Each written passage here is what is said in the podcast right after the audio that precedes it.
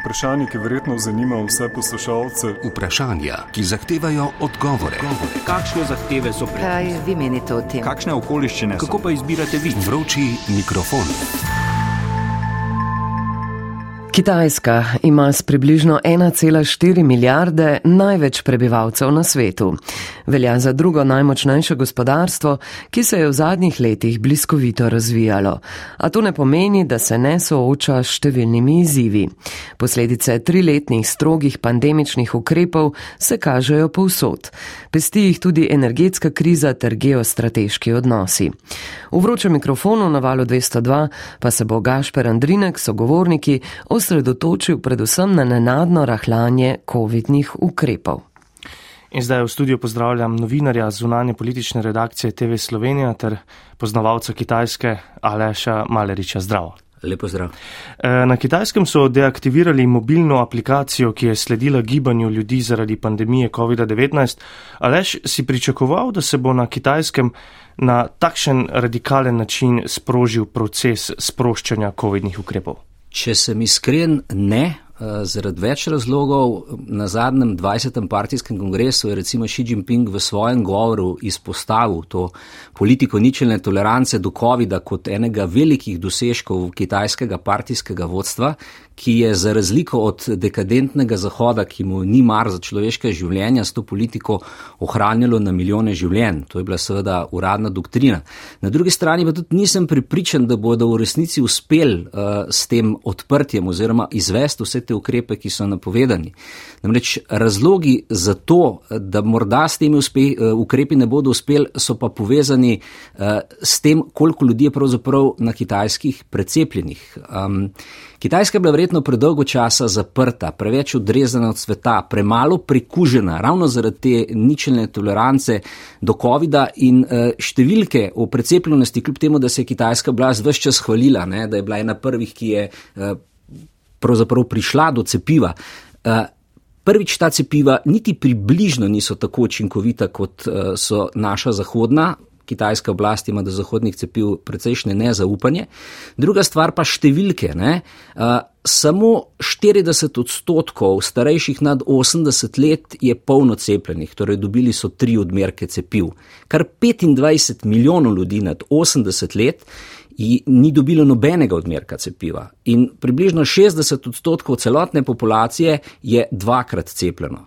Pri 1,4 milijardni populaciji so te številke seveda zaskrbljujoče. Druga težava, ki jo vidim na kitajskem, je, so njihove intenzivne postelje. Uradni podatek je, da imajo na 100 tisoč ljudi štiri intenzivne postelje, ker je recimo v primerjavi z Združenimi državami Amerike približno sedemkrat manj. In zdaj študije, ki so bile narejene na elitnih kitajskih univerzah, obstaja neka analiza, ki je bila narejena na elitni šanghajski univerzi Fudan, da če bi prišlo do prehitrega odprtja ob hkratnem pomankanju učinkovitih zdravil proti uh, COVID-u, da lahko v naslednjih šesti, šestih mesecih umre milijon in pol ljudi.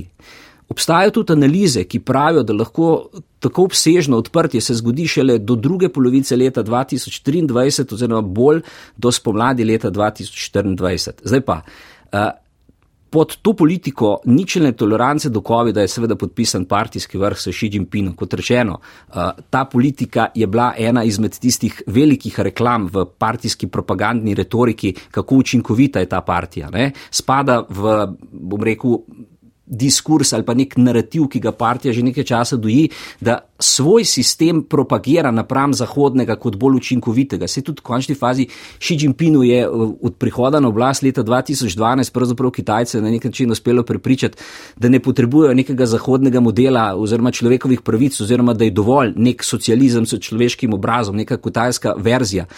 In tukaj je bil ta narativ. Kitajci so se zaradi više vrednote zdravja pripravljeni povedati določenim pravicam. In enako je bilo pri gospodarskem razvoju. Poglejte, kitajski model je učinkovit, ljudi živijo v blagostanju, toliko, toliko milijonov ljudi smo potegnili iz revščine, doseglamo gospodarsko rast in tudi za to višjo dobroto so, se, dobroto so se ljudje seveda odpovedali določenim pravicam in svoboščinam.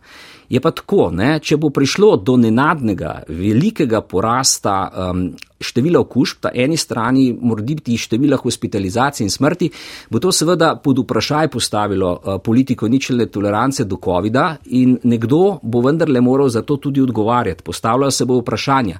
Zdaj, obstaja strah, da bi uh, ši, ki postaja vse bolj podoben Mao, počel enake napake, kot jih je Mao nekoč. Uh, Mehen skok v zgodovino. Leta 1958 se je uh, Mao spomnil narediti reformo imenovano veliki korak naprej. Namreč takrat je bila blazna revščina na kitajskem, obširna revščina in on se je hotel proti tej revščini boriti z industrializacijo, z nacionalizacijo kmetijskih zemljišč, z kolektivizacijo podobnimi stvarmi.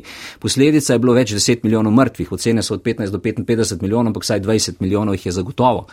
In odgovor njegov po tistem, ko je bilo jasno, da je ta politika povsem zgrešena, je bila kulturna revolucija leta 66. Ši, ki ne bo priznal, da je politika nične tolerance, ki je Kitajsko preveč zaprla, ki ni dopuščala nekega prekoževanja, kljub temu, da COVID pušča dolgoročne posledice in tega ne moremo zanikati, ne? Um, kakšen bo njegov naslednji korak? To je zelo pomembno in zelo tvegano, ne? ker od uspeha te politike in vseh drugih politik je pravzaprav uh, odvisna legitimnost kitajskega partijskega vodstva in šija. K vsem tem vprašanjem, ki si jih nekako že načel, se bova kasneje še vrnila.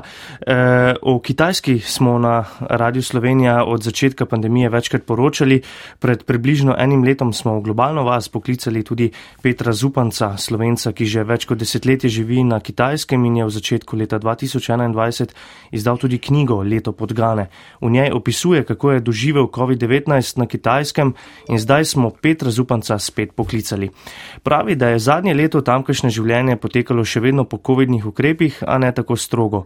Storitve so obratovale, povdarek je bil na testiranju ter tako imenovani zeleni kodi, ki so jo prebivalci potrebovali predvsem za uporabo javnega prevoza in prehajanja med provincami. Mest za testiranje je bilo veliko, skoraj v vsaki drugi ali tretji ulici je stal manjši šotor. Petr Zupanc živi v Naningu v provinci Guangxi. Še vedno ustraja, da je to eno bolj dolgočasnih kitajskih mest, kar se tiče preteklega dogajanja, ki je vznemirjalo predvsem zahodno medijsko javnost.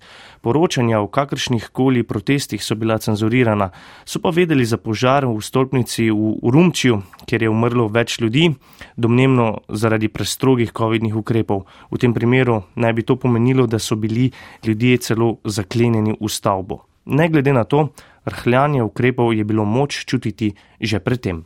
Pravzaprav so vsaj določeni znaki kazali, da se bodo ukrepi uh, omilili že pred temi protesti. Ne bom trdil, da je to popolnoma res in ne bom trdil o tem, kako naglo bi se to odvijalo, ampak, kakor sem rekel, obstali so določeni znaki, da bi se to lahko začelo dogajati, recimo, v naslednjem letu. Tako da jaz bi raje verjetno trdil, da so morda ti protesti pospešili dogajanje. Kar se samih protestov tiče, ta omemba, da nekateri analitiki menijo, da to ne bo omajalo stolčkov vladajoče eh, stranke oziroma edine stranke na kitajskem, um, jaz bi se s tem kar strinjal, čeprav je to pač samo moje mnenje. Najprej bi vsekakor povdaril to, da sicer vem, da se piše o množičnih protestih, ampak eh, to je se je še vedno šlo najverjetneje samo za nekaj tisoč ljudi, morda celo deset tisoč ljudi, ampak govorimo o državi, ki ima milijardo in pol prebivalcev, uh, približno rečeno. In uh, lahko bi rekel, da če je bil povod za te proteste pač v Romuči, bi skoraj da zanesljivo trdil tudi, da Drugi razlog ni bil ta, ker bi si ljudje želeli demokracije, ampak so predvsem protestirali zaradi ekonomije in, in zaradi COVID-a. Ampak, ok, če vzamem vse to nekako, uh, če dam to vse to na stran, ja, vsekakor se zdaj stvari dogajajo izredno naglo. Uh, torej, tisti šotori, o katerih sem prej govoril, v katerih so se upravljali testi, uh, skoraj da ne stojijo več. Uh, testov načeloma naj bi ne bilo potrebno upravljati. Prehod med posameznimi provincami naj bi ne potrebovali več zelenih kod in naj ne bi potrebovali testa.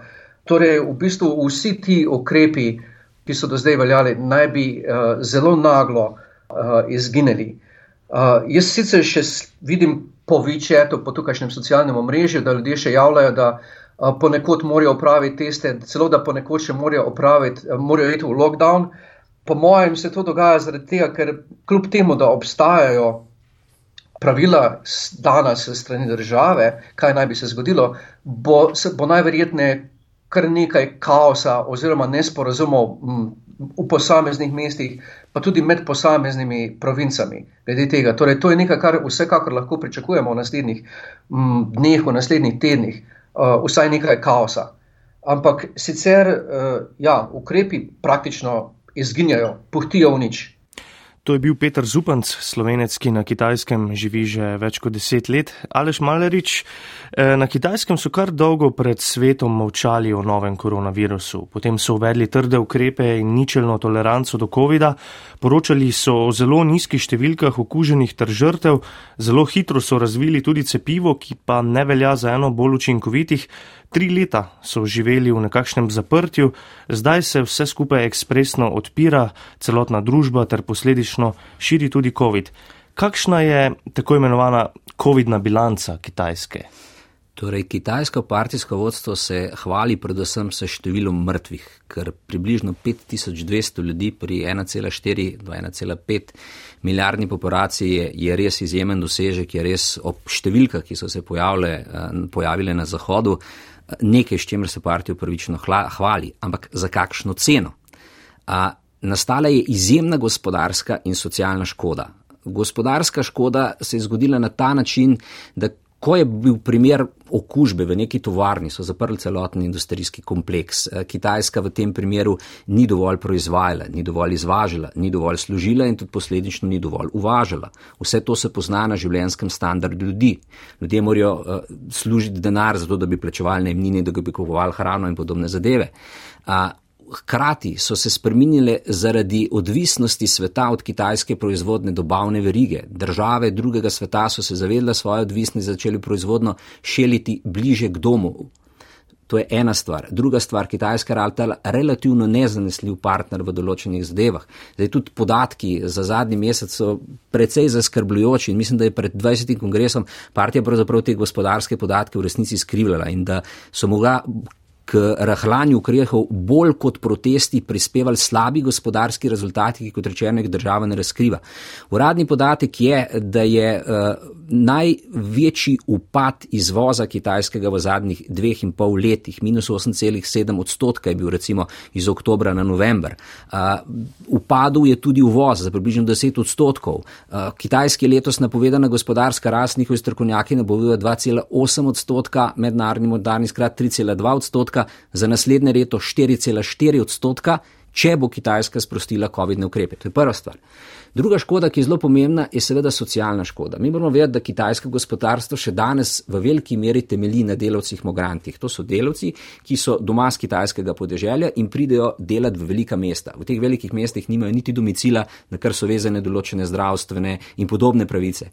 In ti ljudje, ko nehajo delati, ne morejo plačevati najemnin, ne morejo plačevati hrane in ni ni presenečenje, da so največji protesti bili predvsem v teh mestih, ki so imeli dolga zaprtja in veliko teh delavcev, migrantov. Znanje primere z Guangzhoua, kjer so eh, delavci udrli z vloka in so začeli tepsti te varoke. Zakaj so jih začeli tepsti? Ker na nobeno vprašanje, ki so ga postavili, niso dobili odgovora.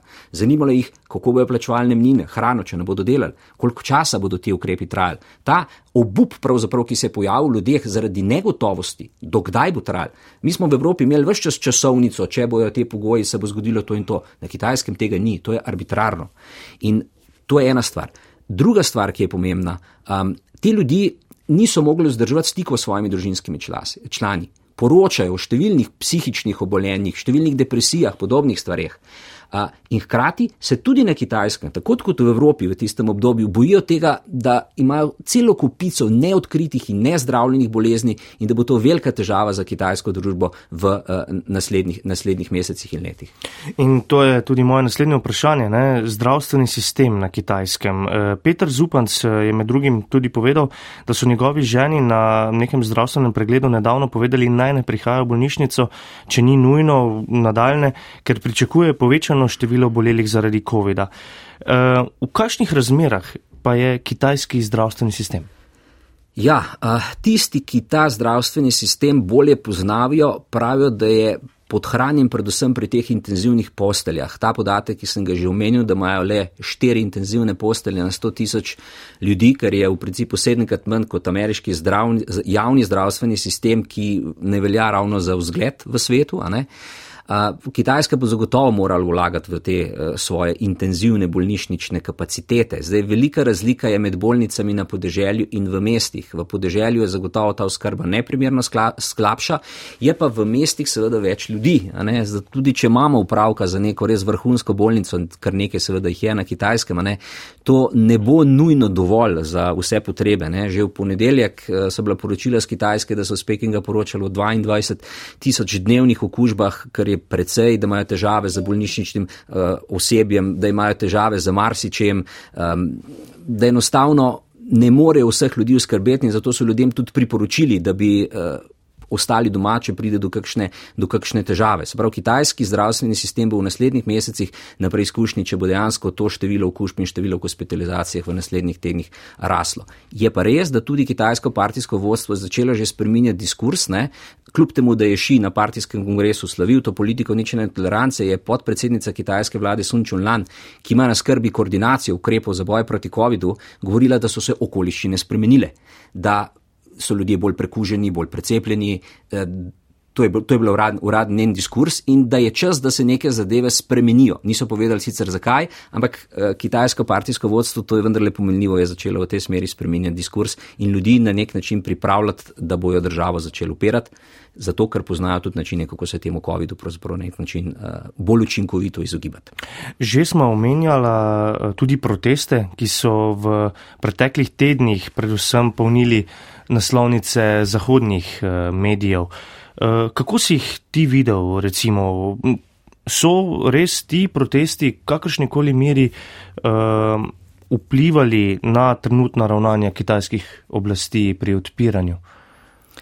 Torej, trditi, da protesti niso imeli nobenega vpliva, bi bilo verjetno naivno. Zagotovo so ti protesti imeli vpliv, ne glede na to, da so premalo številčni, da bi recimo lahko odnesli partijski vrh ali pa da bi povzročili neko določeno spremembo, je bila partija vedno občutljiva na to, da proti njej nekdo protestira.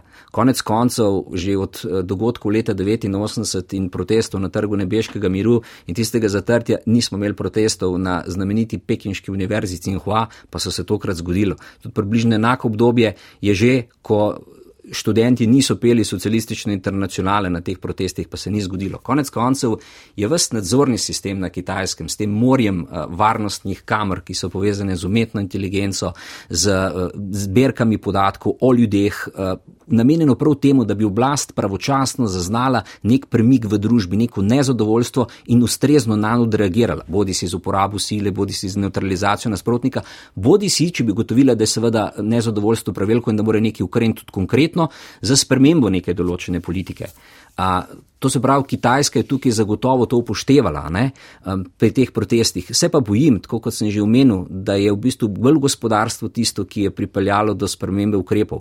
Vidim pa težavo še nekje druge, namreč v zdajšnjem partijskem vodstvu. V zdajšnjem partijskem vodstvu zaradi tega, ker se je ši v novem stalnem komiteju politbiroja, ki so ga izvolili konec meseca oktobra, obdal se samimi lojalisti, s svojimi svetovalci, s svojimi šefi kabinetov, z ljudmi, ki mu ne bodo nastavljali ogledala, ki ga ne bodo kritizirali, ga opominjali na napake, tako kot je to počel do zdajšnji premije Like Čjan, ki je bil načeloma vodja reformistične struje znotraj kitajskega partijskega vrha. Prekršil je tudi eno drugo pravilo, ki je veljalo dolga leta, to je bilo načelo meritokracije pri imenovanju na najviše partijske položaje. Uh, en mehen skok v zgodovino. Od dogodkov na trgu Nebeškega miru leta 1989 je Kitajska začela spreminjati ta princip. Ni bila več pomembna toliko lojalnost, ampak to, kakšne rezultate je nekdo dosegel, kakšne sposobnosti je imel. To se je posebej spreminjalo pod, uh, najprej pod predsednikom vlade, kasneje pa predsednikom vlade Žurongžijom. Predsednik vlade je bil med leti 1997 in 2002 v drugem mandatu partijskega sekretarja Džang Zemina in on je bil prvi podpredsednik v Lipingovi vladi in je na izpostavljene pozicije v finančnem sektorju, bančništvu in tako naprej nastavljal sposobne ljudi. On je bil tisti, ki je stabiliziral uh, finančni sistem, do neke mere bančni sistem uh, in tako naprej. Uh, In navada je bila, da vsi, ki so postali predsedniki kitajske vlade, da so bili prej podpredsedniki. Tako je bil Wen Jiabao podpredsednik pri Žurongžiju, tako je bil Li Keqiang, zdajšnji predsednik vlade, podpredsednik pri Wen Jiabao, zdajšnji, ki prihaja številka dve v stalnem komiteju, Li Qiang pa ni bil nima izkušenj v gospodarstvu. V redu, kot partijski sekretar Šanghaja je uvajal digitalno gospodarstvo, ki bo bodoči motor kitajskega gospodarstva, ampak hkrati mu pa učitajo, da je obupno obladoval zaprtje mesta Šanghaj. Takrat so bili znani primeri, da ljudje niso mogli do hrane, do pijače, do zdravil in jih niso uspeli ustrezno dobaviti. Nekateri sicer pravijo, da on ni zagovornik uh, ničelne tolerance in da je zagovornik drugačnih politik, ampak do njega velja precejšno nezaupanje. Se pravi, jaz vidim bolj v tej oblastni strukturi, v stalnem komiteju in v vladi, vladi, ker ta Li Keqiang bo predvidoma meseca marca zamenjal. Uh, uh, Li Qiang bo zamenjal Li Keqianga, zdajšnjega predsednika vlade, kot predsednik stalnega sveta. In te politike, če oblast ne bo znala ustrezno dirigirati na te situacije, tukaj je cela kupica stvari, ki gre na kitajskem lahko narobe. Zelo kompleksna država je, so lahko gospodarske težave, na katere bodo vezane socialne težave, lahko so težave povezane z sproščenjem teh ukrepov s COVID-om. Skratka, tukaj vidim precejšno težavo. Uh, ki bi se lahko zgodila kitajski oblasti. Velik kritik je tudi eh, kitajski umetnik in disident Ai Weiwei, ki je pred dnevi govoril za tiskovno agencijo Associated Press. Pravi, da protesti, kako smo že rekli, ne bodo spremenili načeloma ničesar in pa ob tem opozoril tudi na hipokrizijo Zahoda pri trgovanju s Kitajsko. I think for foreign government, government in so many years dealing with China, they still think China is the best opportunity they can get. Države, ki so vsa ta leta sodelovali s Kitajsko, še vedno mislijo, da je Kitajska najboljša možna priložnost za njihovo gospodarsko rast in, saj veste, profit. Zahod je v preteklih stoletjih ustvaril dober establishment, ki je imel veliko koristi od človeštva, človekovih pravic, svobode govora. Zdaj pa sodeluje s Kitajsko in je opustil te vrednote. Ampak mislim, da se bo na koncu izkazalo, da to sodelovanje ni dobro. That is uh, a deal of uh, losing ground. You know, it's not going to be a good deal.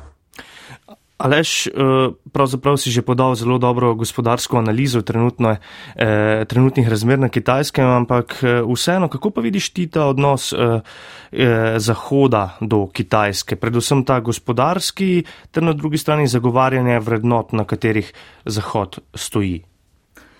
Torej, um, logično je na nek način, da politično in gospodarsko uh, politiko držav krojijo njihovi interesi. Interesi so tisti, ki bodo vedno narekovali sodelovanje s Kitajsko. Kitajska je enostavno postala druga politična in gospodarska sila tega sveta.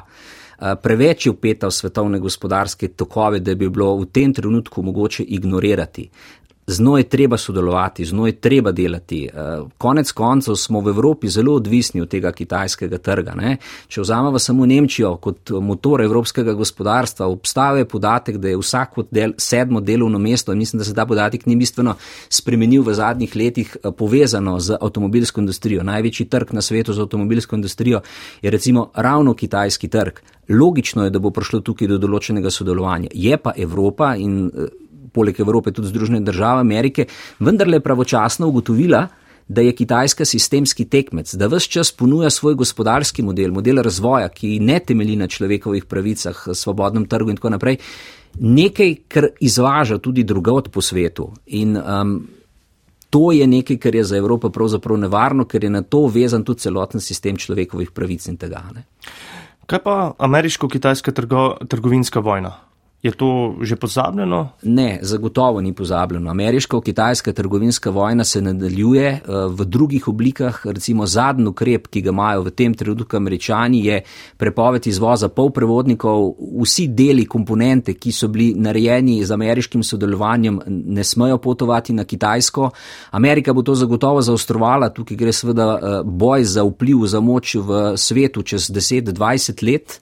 In Amerika se svoji moči, svojemu prematu ne bo odpovedala. Uh, s tem moramo računati, američani več čas pravijo, da so sposobni uh, voditi dve fronte hkrati z Rusijo in s Kitajsko. Evropa bo pa tukaj imela seveda bistveno večjo težavo, ker smo na eni strani lahko talec ameriških geopolitičnih odnosov in na drugi strani preveč odvisni od ruskih energentov in pa od kitajskega trga. Ta trg z izjemno močnim srednjim razredom, ki ima kljub vsem težavam še vedno veliko kupno moč, je nekaj, kar se bo v Evropi poznali. In Evropa seveda ne more uh, na kratek rok spreminjati svoje odvisnosti, tukaj bo potreben nek strateški premislek, kako to svojo odvisnost zmanjšati, ampak brez hude škode tudi za nas tega ne moremo prekiniti čez noč.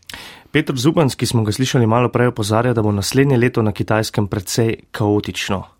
Leš Malerič, kakšno misliš, da bo naslednje leto na kitajskem? Tudi jaz mislim, da te leto utegne biti kaotično zaradi uh, veliko razlogov, nekatere od njih sva že omenila. Uh, če se bodo ti ukrepi sproščali, če bo več okuženih, če bo več bolezni, bodo zagotovi tudi proti ukrepi, ker drugače ne bo šlo. Kitajska bo verjetno v naslednjem letu šla čez to, skozi kar je šla Evropa pred letom in pol, morda pred dvema letoma, ravno zaradi te zaprtosti pred svetom, kjer se ljudje niso uspeli ustrezno prekužiti. Zdaj, težave, ki bi se lahko pojavile, je tudi, da ta virus ob več stikih seveda mutira in vprašanje, kako bo ten kitajski zdravstveni uh, sistem odreagiral na to zadevo. Težavo vidim seveda tudi druge. Um, Kitajsko čakajo številne zelo pomembne naloge, da bi Kitajsko pripravila na prihodne izzive in to bo seveda za sabo marsikaj potegnilo.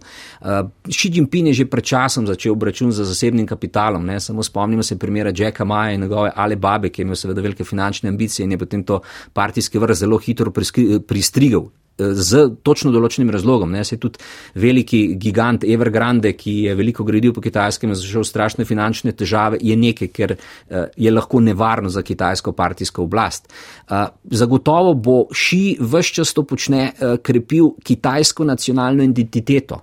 To krepi seveda na račun človekovih pravic, etničnih manjšin, manjšinskih pravic, vsega tega. Um, ne pričakujem, da se bo ta uh, nivo uh, spoštovanja človekovih pravic na kitajskem dvignil nasprotno, poslabšal se bo. Ne? To, da se on obdal z lojalisti, pravzaprav ni. Uh, Ni nek pokazatelj njegove moči, čeprav morda tako na prvi pogled deluje. To je bolj pokazatelj njegove šibkosti. In to je nekaj, kar je v bistvu za cel svet nevarno. To, da ni nikogar, ki bi ga opozarjal, je pa seveda pomembno, ker mu bodo lahko ti svetovalci morda zamovčali, tako kot so Putinu, da ne vem, operacija na Tajvanu bi bila kontraproduktivna ali pa da nadaljevanje politike ničelne tolerance do virusa bo preneslo popolnoma obratne učinke od željenih. Skratka, tukaj je kar precej težav, zaradi katerih bo Kitajsko leto precej naporno in z njim, ker je svet preveč gospodarsko integriran, naporno tudi za Evropo in za ostale svetovne države. Ja, res Kitajska je ogromna država in ena izmed bolj pomembnih dejavnikov na svetu. Sooča se tudi z energetsko krizo, v povezavi s čemer je bil predsednik Xi Jinping pred dnevi v Saudski Arabiji. Grozijo ji tudi podnebne spremembe, kar na neki način ogroža tudi partijsko vodstvo. Tudi vojna v Ukrajini je pomemben dejavnik, ter seveda odnosi s Tajvanom. Ampak vse to so teme za nove vroče mikrofone, skoraj gotovo jih bomo lahko slišali v novem letu in skoraj gotovo spet za le. Alešem Maleričem. Aleš, hvala. Hvala lepa za povabilo. Vroči mikrofon.